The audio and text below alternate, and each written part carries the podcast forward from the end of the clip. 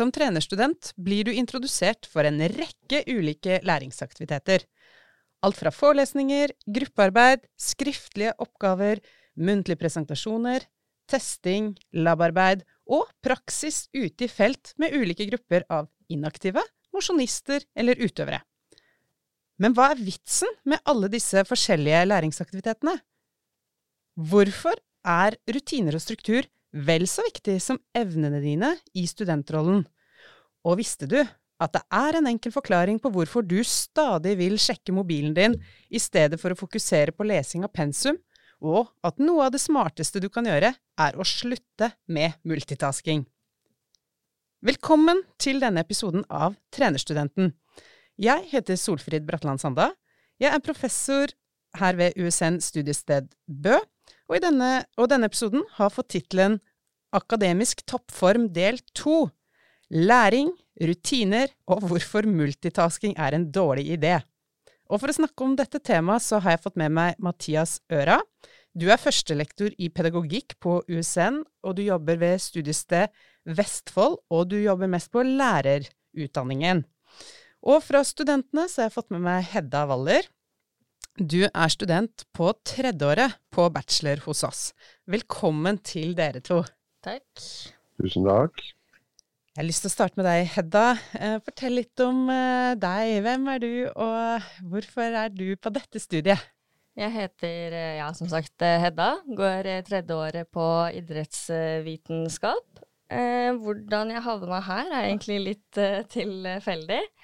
Jeg visste ikke helt hva jeg skulle gjøre etter et år i militæret, og fant ut at et eh, årsstudium i idrett, det er jo aldri, aldri dumt å ha. Eh, og så tok jeg et år, visste heller ikke videre helt hva jeg skulle gjøre, så da ble jeg her i to år til. det høres veldig bra ut. Og du, jeg håper jo du sier at vi ikke angrer på det. Nei, ikke i det hele tatt. Det er jo en grunn til at jeg ble i to år til, så ja. det Men eh, Hedda, kan du ikke si litt, hva gjør dere på studiet? Ja, jeg har jo valgt fordypningen fysisk aktivitet og helse.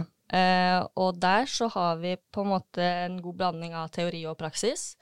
Vi lærer litt i teorien, og så anvender vi det ute i praksis. Um, og så har vi også litt labkurs, tester litt på lab. Og så er det jo da forelesninger inne og aktiviteter ute. Mathias, jeg har lyst til å gå rett på sak. Hva er læring? Ja, Det er jo et stort, uh, stort spørsmål, men uh, sånn kort uh, så kan vi si at vi kan definere læring som en, aktivitet hvor vi tilegner oss ny eller forsterker eksisterende kunnskap. Da, og gjennom noe hva vi gjør, eller som gjør at vi endrer atferd og ferdigheter, eller verdier eller preferanse kanskje. Uh, og at vi kan involvere og kombinere ulike typer av ny informasjon som vi på en måte har lagt til vår egen erfaring, uh, og som er blitt en del av oss. Uh, og, så det er jo veldig mange spesialiserte kognitive mekanismer som, som, skjer når vi lærer, og det er veldig mange sosiale og sosiokulturelle prosesser som skjer i interaksjon med verden og ikke minst verden verktøy og duppedingser vi har rundt oss som hjelper oss med denne læringen. Enten vi leser eller bruker uh, datamaskin eller uh, telefoner eller hva som helst. Så, så det er et ganske sånn stort, uh, stort lerret å, å, bleke hvis vi skal snakke liksom hele, hele det spekteret hva læring er. Men vet no, det er noen viktige ting vi vet om læring, selve læringsprosessen. og det det er bl.a. at eh, en veldig viktig eh, forutsetning på læring det er at du har en oppmerksomhet rundt det du skal lære, og en konsentrasjon Eh, versus at du er distrahert og har, eh, er på en måte egentlig ikke, eh, ikke greier å konsentrere deg i den situasjonen du skal lære noe. Da er det veldig vanskelig å lære noe. og Det betyr jo at motivasjon, at det er noe du syns er gøy f.eks., da lærer vi jo mye uh, lettere enn hvis, hvis, det er noe vi syns er veldig uinteressant. Og, og, og vi retter blikket og oppmerksomheten vår veldig ofte over på noe annet. Så oppmerksomhet og det å være konsentrert rundt det du skal lære. Det er en viktig forutsetning for læring. Eh, det betyr at det er veldig dumt å begynne på et studie som du egentlig ikke er interessert i. For eksempel, fordi eh, da må du enten finne ut om det er en mulighet for at du kan bli interessert i dette, eller så må du innse at du kanskje har valgt feil. fordi det er en veldig viktig del at du skal finne noe i dette studiet som, som, som som handler om deg og din motivasjon, og hva du, er, du syns er gøy og spennende. Så, så den oppmerksomhetsbiten er viktig. Og så vet vi om læring at aktivitet og engasjement og nysgjerrighet og mening er veldig viktig, og det er en forlengelse av den første, det med motivasjon. Øh, din egen motivasjon. og da er det øh, veldig viktig at øh, vi ikke bare tenker aktivitet som sånn altså Dere er jo veldig opptatt av fysisk aktivitet, men det er også sånn at du kan være aktiv og passiv i en situasjon. F.eks. under en forelesning så kan du enten være aktiv, det at du prøver å tenke deg inn i hva Solfrid sier i storforelesningen. Jeg prøver å liksom være med på hva hun sier, og prøver å finne noe erfaring hos meg som liksom gir gjenklang i det hun sier. Kontra at jeg er helt passiv og har liksom slått av bryteren og sitter og venter og tenker på hva jeg skal spise i lunsjen. Da er jeg passiv fraværende. Og det må jeg prøve å ha en innstilling om i forhold til når jeg skal lære noe. At, jeg, at jeg enten er jeg aktiv eller er jeg passiv i, i, inn i den læringssituasjonen jeg er. Og så er det viktig, eh, Et annet moment er at vi må alltid tenke når vi lærer at vi skal lære av feil. Eh, hvis du aldri tør å gjøre noe feil, hvis du aldri tør å spørre om ting, hvis ikke du forstår noe liksom, det, at du, det, at du, liksom blir redd for å gjøre feil, det er en veldig dårlig strategi i forhold til læring. og Vi er født og evolvert sånn at vi, vi må gjøre veldig masse feil opp igjennom for, for å overleve. og og feil er en viktig del av det å lære. Eh, og feilkobling, feiltenkning, feilforståelser det er en veldig viktig del av, av læringssituasjonene, og som uh, derfor gjør at vi veldig ofte må diskutere ting og snakke om ting i klasserom og i studentsituasjoner også. Fordi vi, vi, kan korrigere. Vi ser at vi har, vi har, tenkt feil om noe, men det var ikke så dumt tenkt, men det, var, men det, var, feil. og Da kan vi korrigere og hele tiden ha en sånn åpen og trygg måte om å, å, å korrigere det vi eventuelt har forstått eller misforstått. Og så Det siste som jeg har lyst til å si i denne omgang, er jo det med konsolidering det at vi eh, må ha pauser innimellom hvor liksom vi ikke gjør noe som helst i forhold til læring. Hvor vi bare liksom lar eh, både hjernen og kroppen må være litt i fred. Eh, det kan være at vi bare går en liten tur, eller at vi har en pause etter, eh, hvor, vi, hvor, vi, bare setter oss ned og prater om eh, ingenting. eller, eller, eller eh, sitter og ser utover eh, på, på, i horisonten eller hva som helst, det er, det er en veldig viktig del av, av, læringen. For da skjer det uh, noe kognitivt som vi er avhengig av, uh, so, som, som, gjør at no, noe av det vi har holdt på med nå, kan uh, slå mer rot i oss rent sånn kognitivt ut ifra de nettverkene vi har, og de kognitive nettverkene vi har fra før osv. Den viktigste biten med konsolidering er også søvn. Så når vi sover, det er veldig viktig som student at du får god søvn, for da skjer det også øh, mekanismer som er knytta til læring, som gjør at læringen blir mer øh, robust, og du, og, og du, sitter igjen med mer. Og det mye av dette med forhold mellom Eh, eh, korttidsminne og langtidsminne f.eks., som vi kanskje kommer tilbake til, det, det, er, det, er, en viktig bit av det er konsolidering og god søvn. Eh, sånn at du får kobla det du har lært i dag til andre erfaringer av deg selv som, som, du har gjort før. og Det kan skje veldig ofte da også når, når du sover, faktisk. Så søvn er en viktig del av dette konsolideringsperspektivet. Så hvis jeg skal prøve å gjøre en sånn foreløpig oppsummering på dette svære hva er læring, og så eh, er det jo viktig at vi har forståelse av hvorfor skal vi vite hva læring er. Jo, det handler jo om at når vi skal trene oss til å komme i akademisk toppform, så eh, er det viktig at vi, vi skjønner hvorfor. Og eh, dette med oppmerksomhet og konsentrasjon, det skal vi, som var det ene punktet du nevnte, det, det skal vi berøre mer etterpå. Så er det dette med engasjement og mening og viktigheten av eh, eh, for så vidt uli, det å, å, være engasjert og aktiv i undervisnings- og læringssituasjonen. Og der skal vi plukke opp igjen noe av det Hedda nevnte, med flere forskjellige læringsaktiviteter. Eh, og det siste punktet om at eh, du som student trenger å ta pauser. Eh, der har jeg lyst til å trekke opp igjen det Eva snakka om i forrige episode, om treningslæreprinsippet om restitusjon. Altså, når vi trener, så bryter vi kroppen ned. Det er restitusjonen som er med på å bygge kroppen opp igjen og gjøre deg klar til neste økt. Og litt sånn er det også i en eh, lese-skrive-studiesituasjon. Jeg har lyst til, Mathias, å gå eh, mer sånn spesifikt inn i dette med ulike læringsaktiviteter. Noen læringsaktiviteter kan jo fremstå helt meningsløse.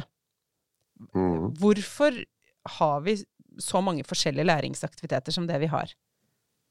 Det er jo litt fint eh, når, når, vi snakker om eh, Her er vi jo en kontekst hvor dere er opptatt av trening og dere er utdannet til å bli gode trenere. Eh, fysisk aktivitet handler jo altså, så Man kan rett tenke at når man kommer på et treningsstudio, så er det veldig mange forskjellige apparater. Det er, det er ikke bare én eh, type måte å trene på. Det er veldig mange deler av kroppen og muskler og, og, og systemer vi kan trene. Vi kan, og I tillegg kan vi trene kondisjon, vi kan trene spenst osv. Veldig mange Hvis vi overfører det til en studentsituasjon, så er det veldig mange eh, læringsaktiviteter eh, som er forskjellige og som, som, på en måte er veldig like viktig. Det er veldig lett at studenter tenker at det, er, det viktigste jeg skal gjøre nå, det er å gå på forelesningen, og så skal jeg lese hjemme f.eks. Noe, øh, mens det kan f.eks. være si f.eks. vi tar opp en sånn læringsaktivitet eller en treningsaktivitet som gruppearbeid. Da, så er det Gruppearbeid er en treningsaktivitet som er veldig viktig i forhold til læring. fordi når du har vært på en forelesning, så har du hørt og så har du kanskje tatt noen notater. og så Kanskje før den forelesningen så har du lest. så Det betyr at du går og tenker eller har tenkt noe om, om det stoffet. Men gruppe, når du er i en gruppe, og det er et gruppearbeid, så skal du snakke selv. Du skal bruke eget språk på det du har tenkt og det du har lest. Og det er en mye mer robust måte å, å lage koblinger i dine, i dine, egne kognitive nettverk, sånn at du, du uh, gjør stoffet til ditt eget. Så, så når vi maser med studentene at dere, dere, her er det et gruppearbeid, gruppearbeid, en gruppeoppgave, så er det en treningsøkt som veldig, kan virke veldig kjedelig. og Mange har også veldig kjedelig erfaring med gruppearbeid, fordi det har vært veldig litt sånn ujevnt måte det er blitt brukt opp igjennom i skolen. ikke sant? At eh, noen, noen, har haika, noen har ikke gjort noe, og så er det noen som har måttet gjøre det. og Det er veldig kjedelig. og Man har ikke samme hva skal vi si, motivasjonen for å gjøre dette arbeidet da kan det være veldig eh, kjedelig å være i en gruppe. Men hvis en gruppe blir brukt riktig, og et gruppearbeid blir brukt riktig, så er det veldig effektivt. Fordi du da hele tiden skal språkliggjøre og sette egne ord og bruke ditt eget språk på det du har tenkt, ut ifra det du har hørt og lest. Hedda, hva tenker du om det Mathias sier nå? Nei, jeg skjønner jo Eller sånn dette med gruppearbeid og ulike læringsaktiviteter. Um, litt tilbake til det han sa i stad om at du kan velge å være passiv og være aktiv.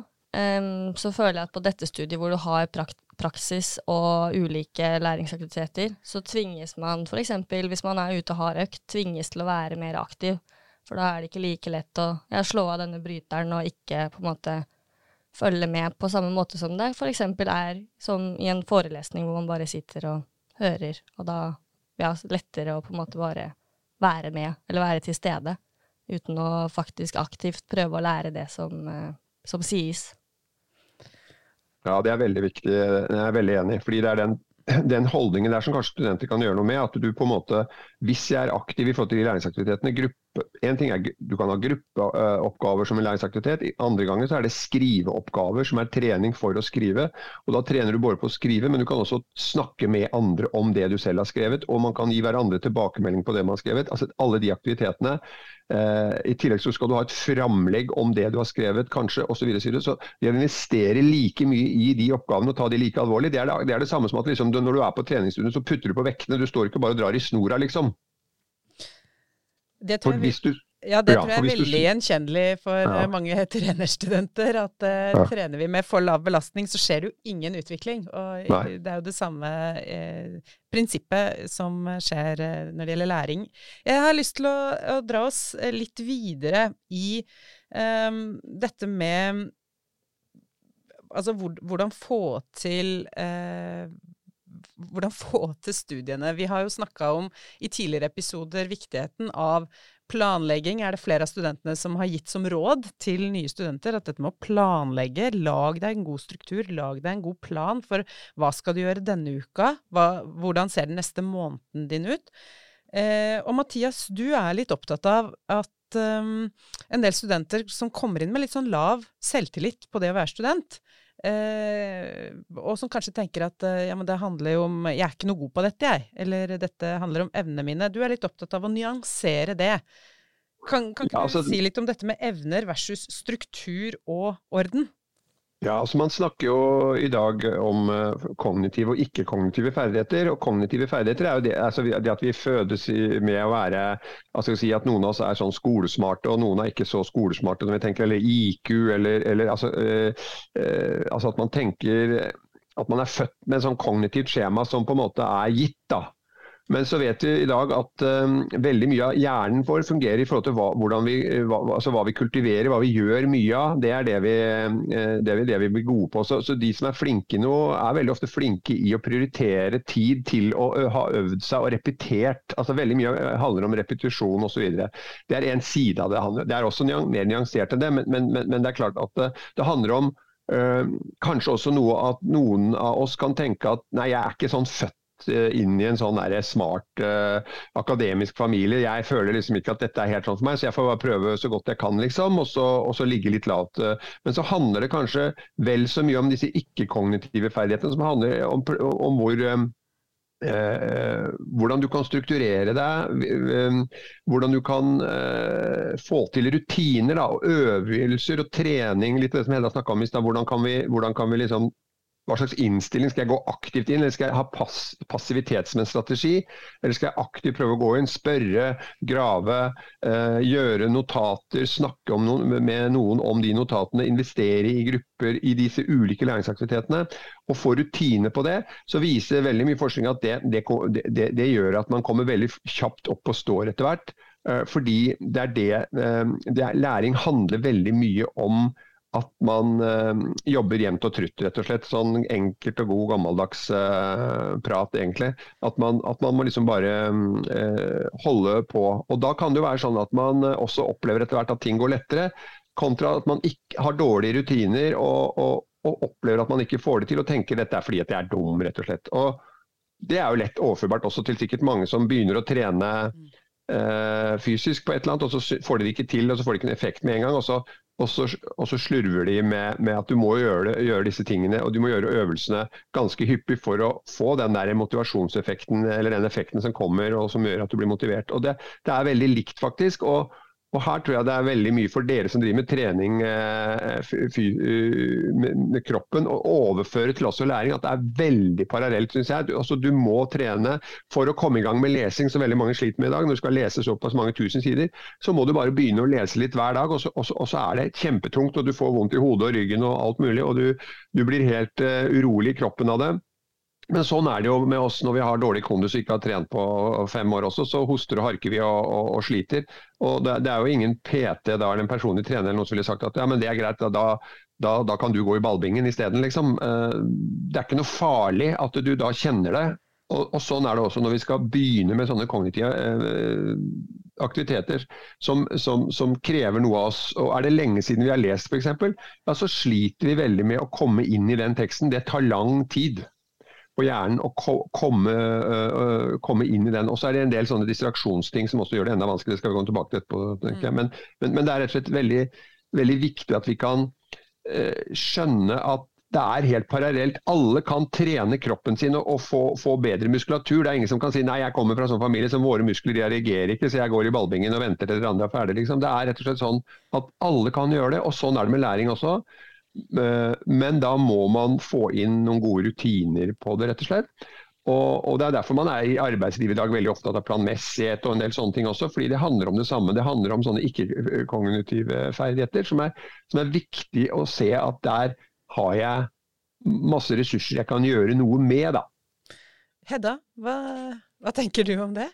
Nei, jeg har jo erfart at uh, oppgaver som man bruker mer tid på og setter seg ned og jobber over litt lengre tid, uh, som regel går bedre enn oppgaver man løser uh, som et skippertak. Um, så det å jobbe jevnt og trutt tror jeg lønner seg i de aller fleste tilfeller.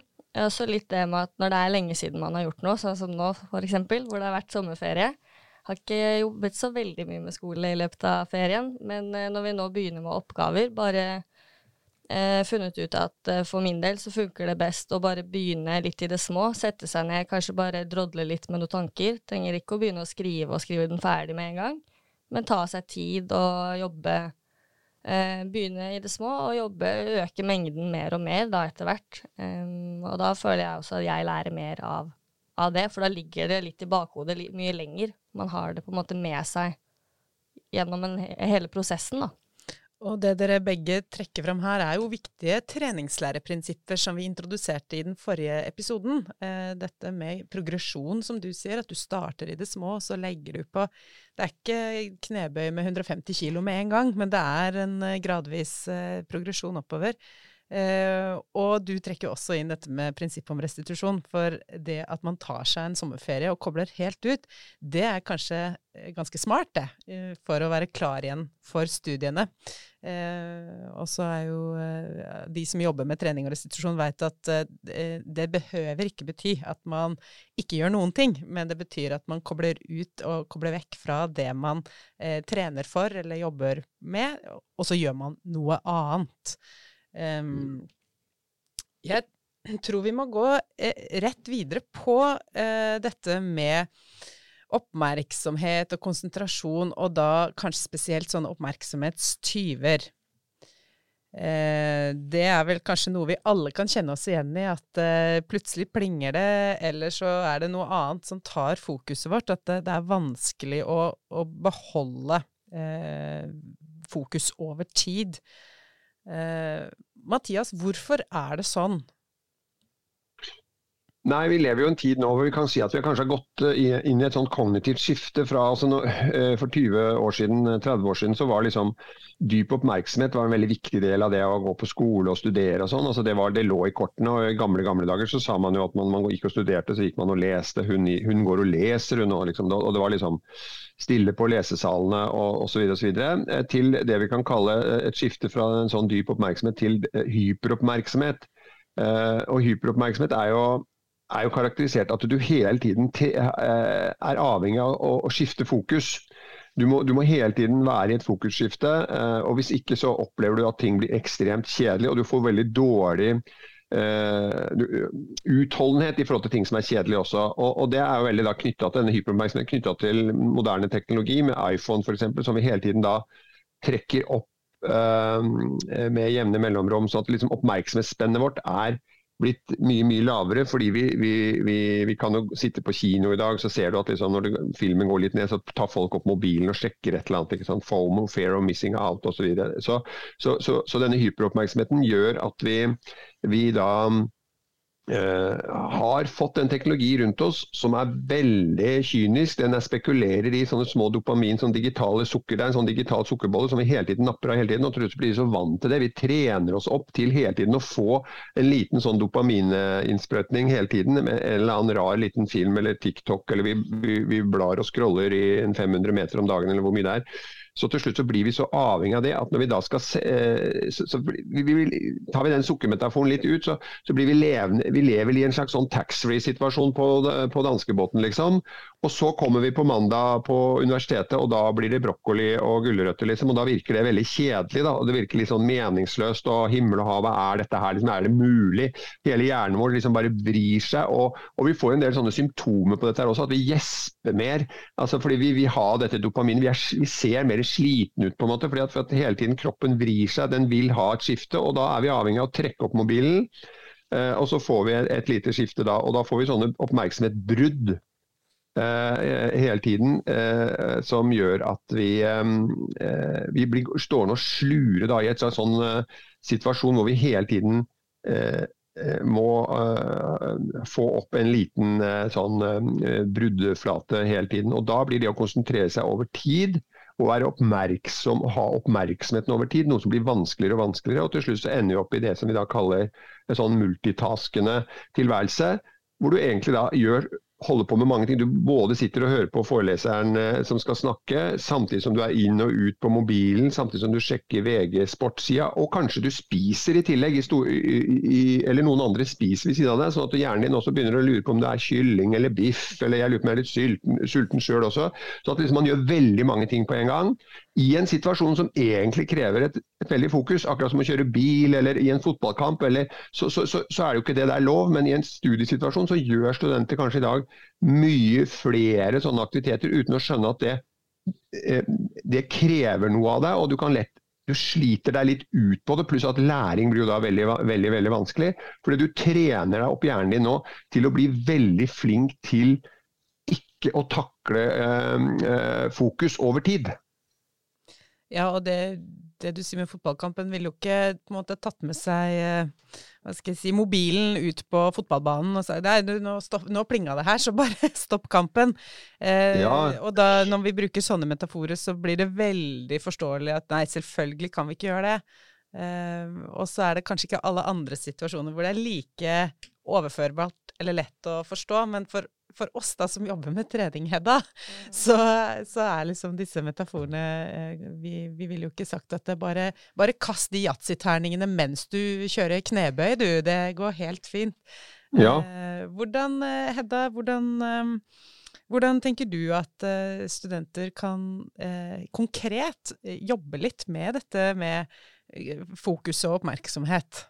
Nei, jeg har jo Jeg merker jo det som Mathias sier, at uh, mobilen ligger jo farlig nærme, og det er jo mye input f.eks. For i en forelesningssal hvor plutselig noen spiser, og så er det noen som går i døra, og det er mye, det er mye som skjer. Og mobilen, ikke minst, jo, spiller jo viktig rolle her. Um, og jeg tenker at noe som har funket for meg, er å legge mobilen helt bort. Rett og slett bare la den ligge i sekken, ikke ha den på pulten foran deg, for da blir det Da merker du ikke at den plinger, så da er det ikke noe å sjekke. Um, og du vil på en måte ikke ha den Jeg merker at når mobilen ligger foran, så er det veldig lett å automatisk bare ta den opp. Uh, det er kanskje ikke noe jeg skal sjekke, eller noen ting, men jeg bare tar den opp for å se på den, egentlig. Uh, så når den ikke ligger foran, så er det da er det jo ikke noe å ta opp og se på. Og da blir det jo heller til at man følger med i forelesning og gjør det man egentlig skal, da. Og eh, jeg tror vi skal begynne å runde av litt her. Eh, og hvis jeg da kan eh, fortsette litt med deg, Hedda. Hva, eh, av det vi har snakka om nå, eh, hva tenker du er, hva, hva er viktig for eh, kanskje både veldig ferske studenter, men også de som ikke er så ferske, men som kanskje har slitt litt med dette gjennom studieløpet. Uh, sliter litt med konsentrasjonen, oppmerksomheten. Det blir, uh, det blir, lite rutiner og struktur, og så blir det en sånn eh, krevende studiehverdag på grunn av det. hva tenker du, hva vil du si til de Har du noe råd til de studentene? Um, er, et råd er å på en måte lage en plan. Jeg vet det ble sagt i forrige episode også, men jeg for min del så funker det veldig bra. Å lage en plan, vite når man skal lese, hvor og hva man skal lese. Trenger i starten ikke å begynne med fire timer med, på rappen, men begynne i det små. Og jobbe seg oppover, da, så merker man etter hvert at det vil bli lettere. Eh, også dette, jeg vet Det finnes en teknikk som heter pomodoro-teknikken, hvor du jobber i 25 minutter med én oppgave, og så har du fem minutter pause. Og så gjør man dette fire ganger før man tar en lengre pause. Og det er en teknikk jeg bruker når jeg sitter og skriver på eksamen. Jeg begynte med 25 eh, minutter aktiv jobbing og 5 minutter pause, men etter hvert så har jeg kjent at jeg kan jobbe i 45 minutter, og så ta heller 15 minutter pause, og jobbe på denne måten, da. Så det går jo absolutt an å trenes opp, men jeg tror det er viktig å bare begynne, begynne i det små. Trenger ikke å bli en, eh, den beste studenten med en gang. Det tar litt tid å trene seg opp. Det er akkurat det det gjør. Eh, og dette er ikke noen quick fix eh, heller.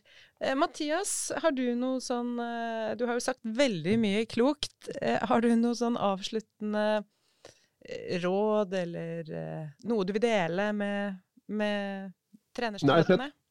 Ja, altså det er jo altså jeg tror, For det første så tror jeg at dere som er treningsstudenter, dere kan så mye om sånne helt elementære ting i forhold til trening og komme i form og osv. Og, og, og så er det veldig viktig at dere husker at uh, det er helt overførbart til forhold til, i forhold til læring også.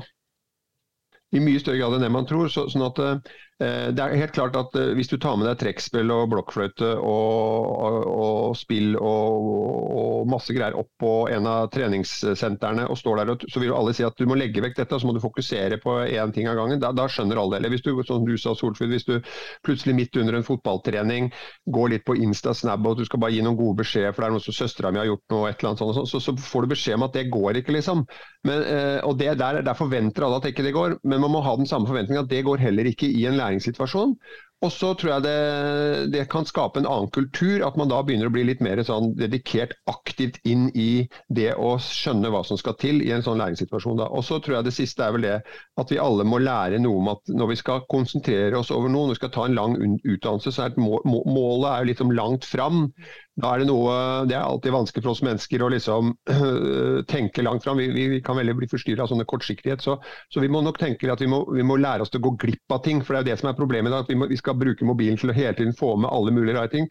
Og det som eh, blir sagt at du må legge den vekk den må legges vekk i mye større grad, og, det, og, da må du lære deg til å gå glipp av ting uten at det er så farlig. Da. Fordi du trenger å hente deg opp igjen, og du trenger å konsentrere deg. Uh, og, og, da må den uh, uh, oppmerksomhetstyven der, den må vekk i, i perioder. Altså uten at du altså, og, og, Du må oppleve at du overlever det, da. Jeg har lyst til å følge litt opp på det dere sier, Hedda og Mathias, med å si at som trenerstudent så kommer du til å lære Du skal lære andre enten å bli aktive, endre treningsatferd, eh, øve på ferdigheter og ferdighetsutvikling i en spesifikk idrett. Og veldig mange av de du kommer til å møte gjennom praksis eller i jobb når du er ferdig, kommer til å ha lav selvtillit på det som handler om trening.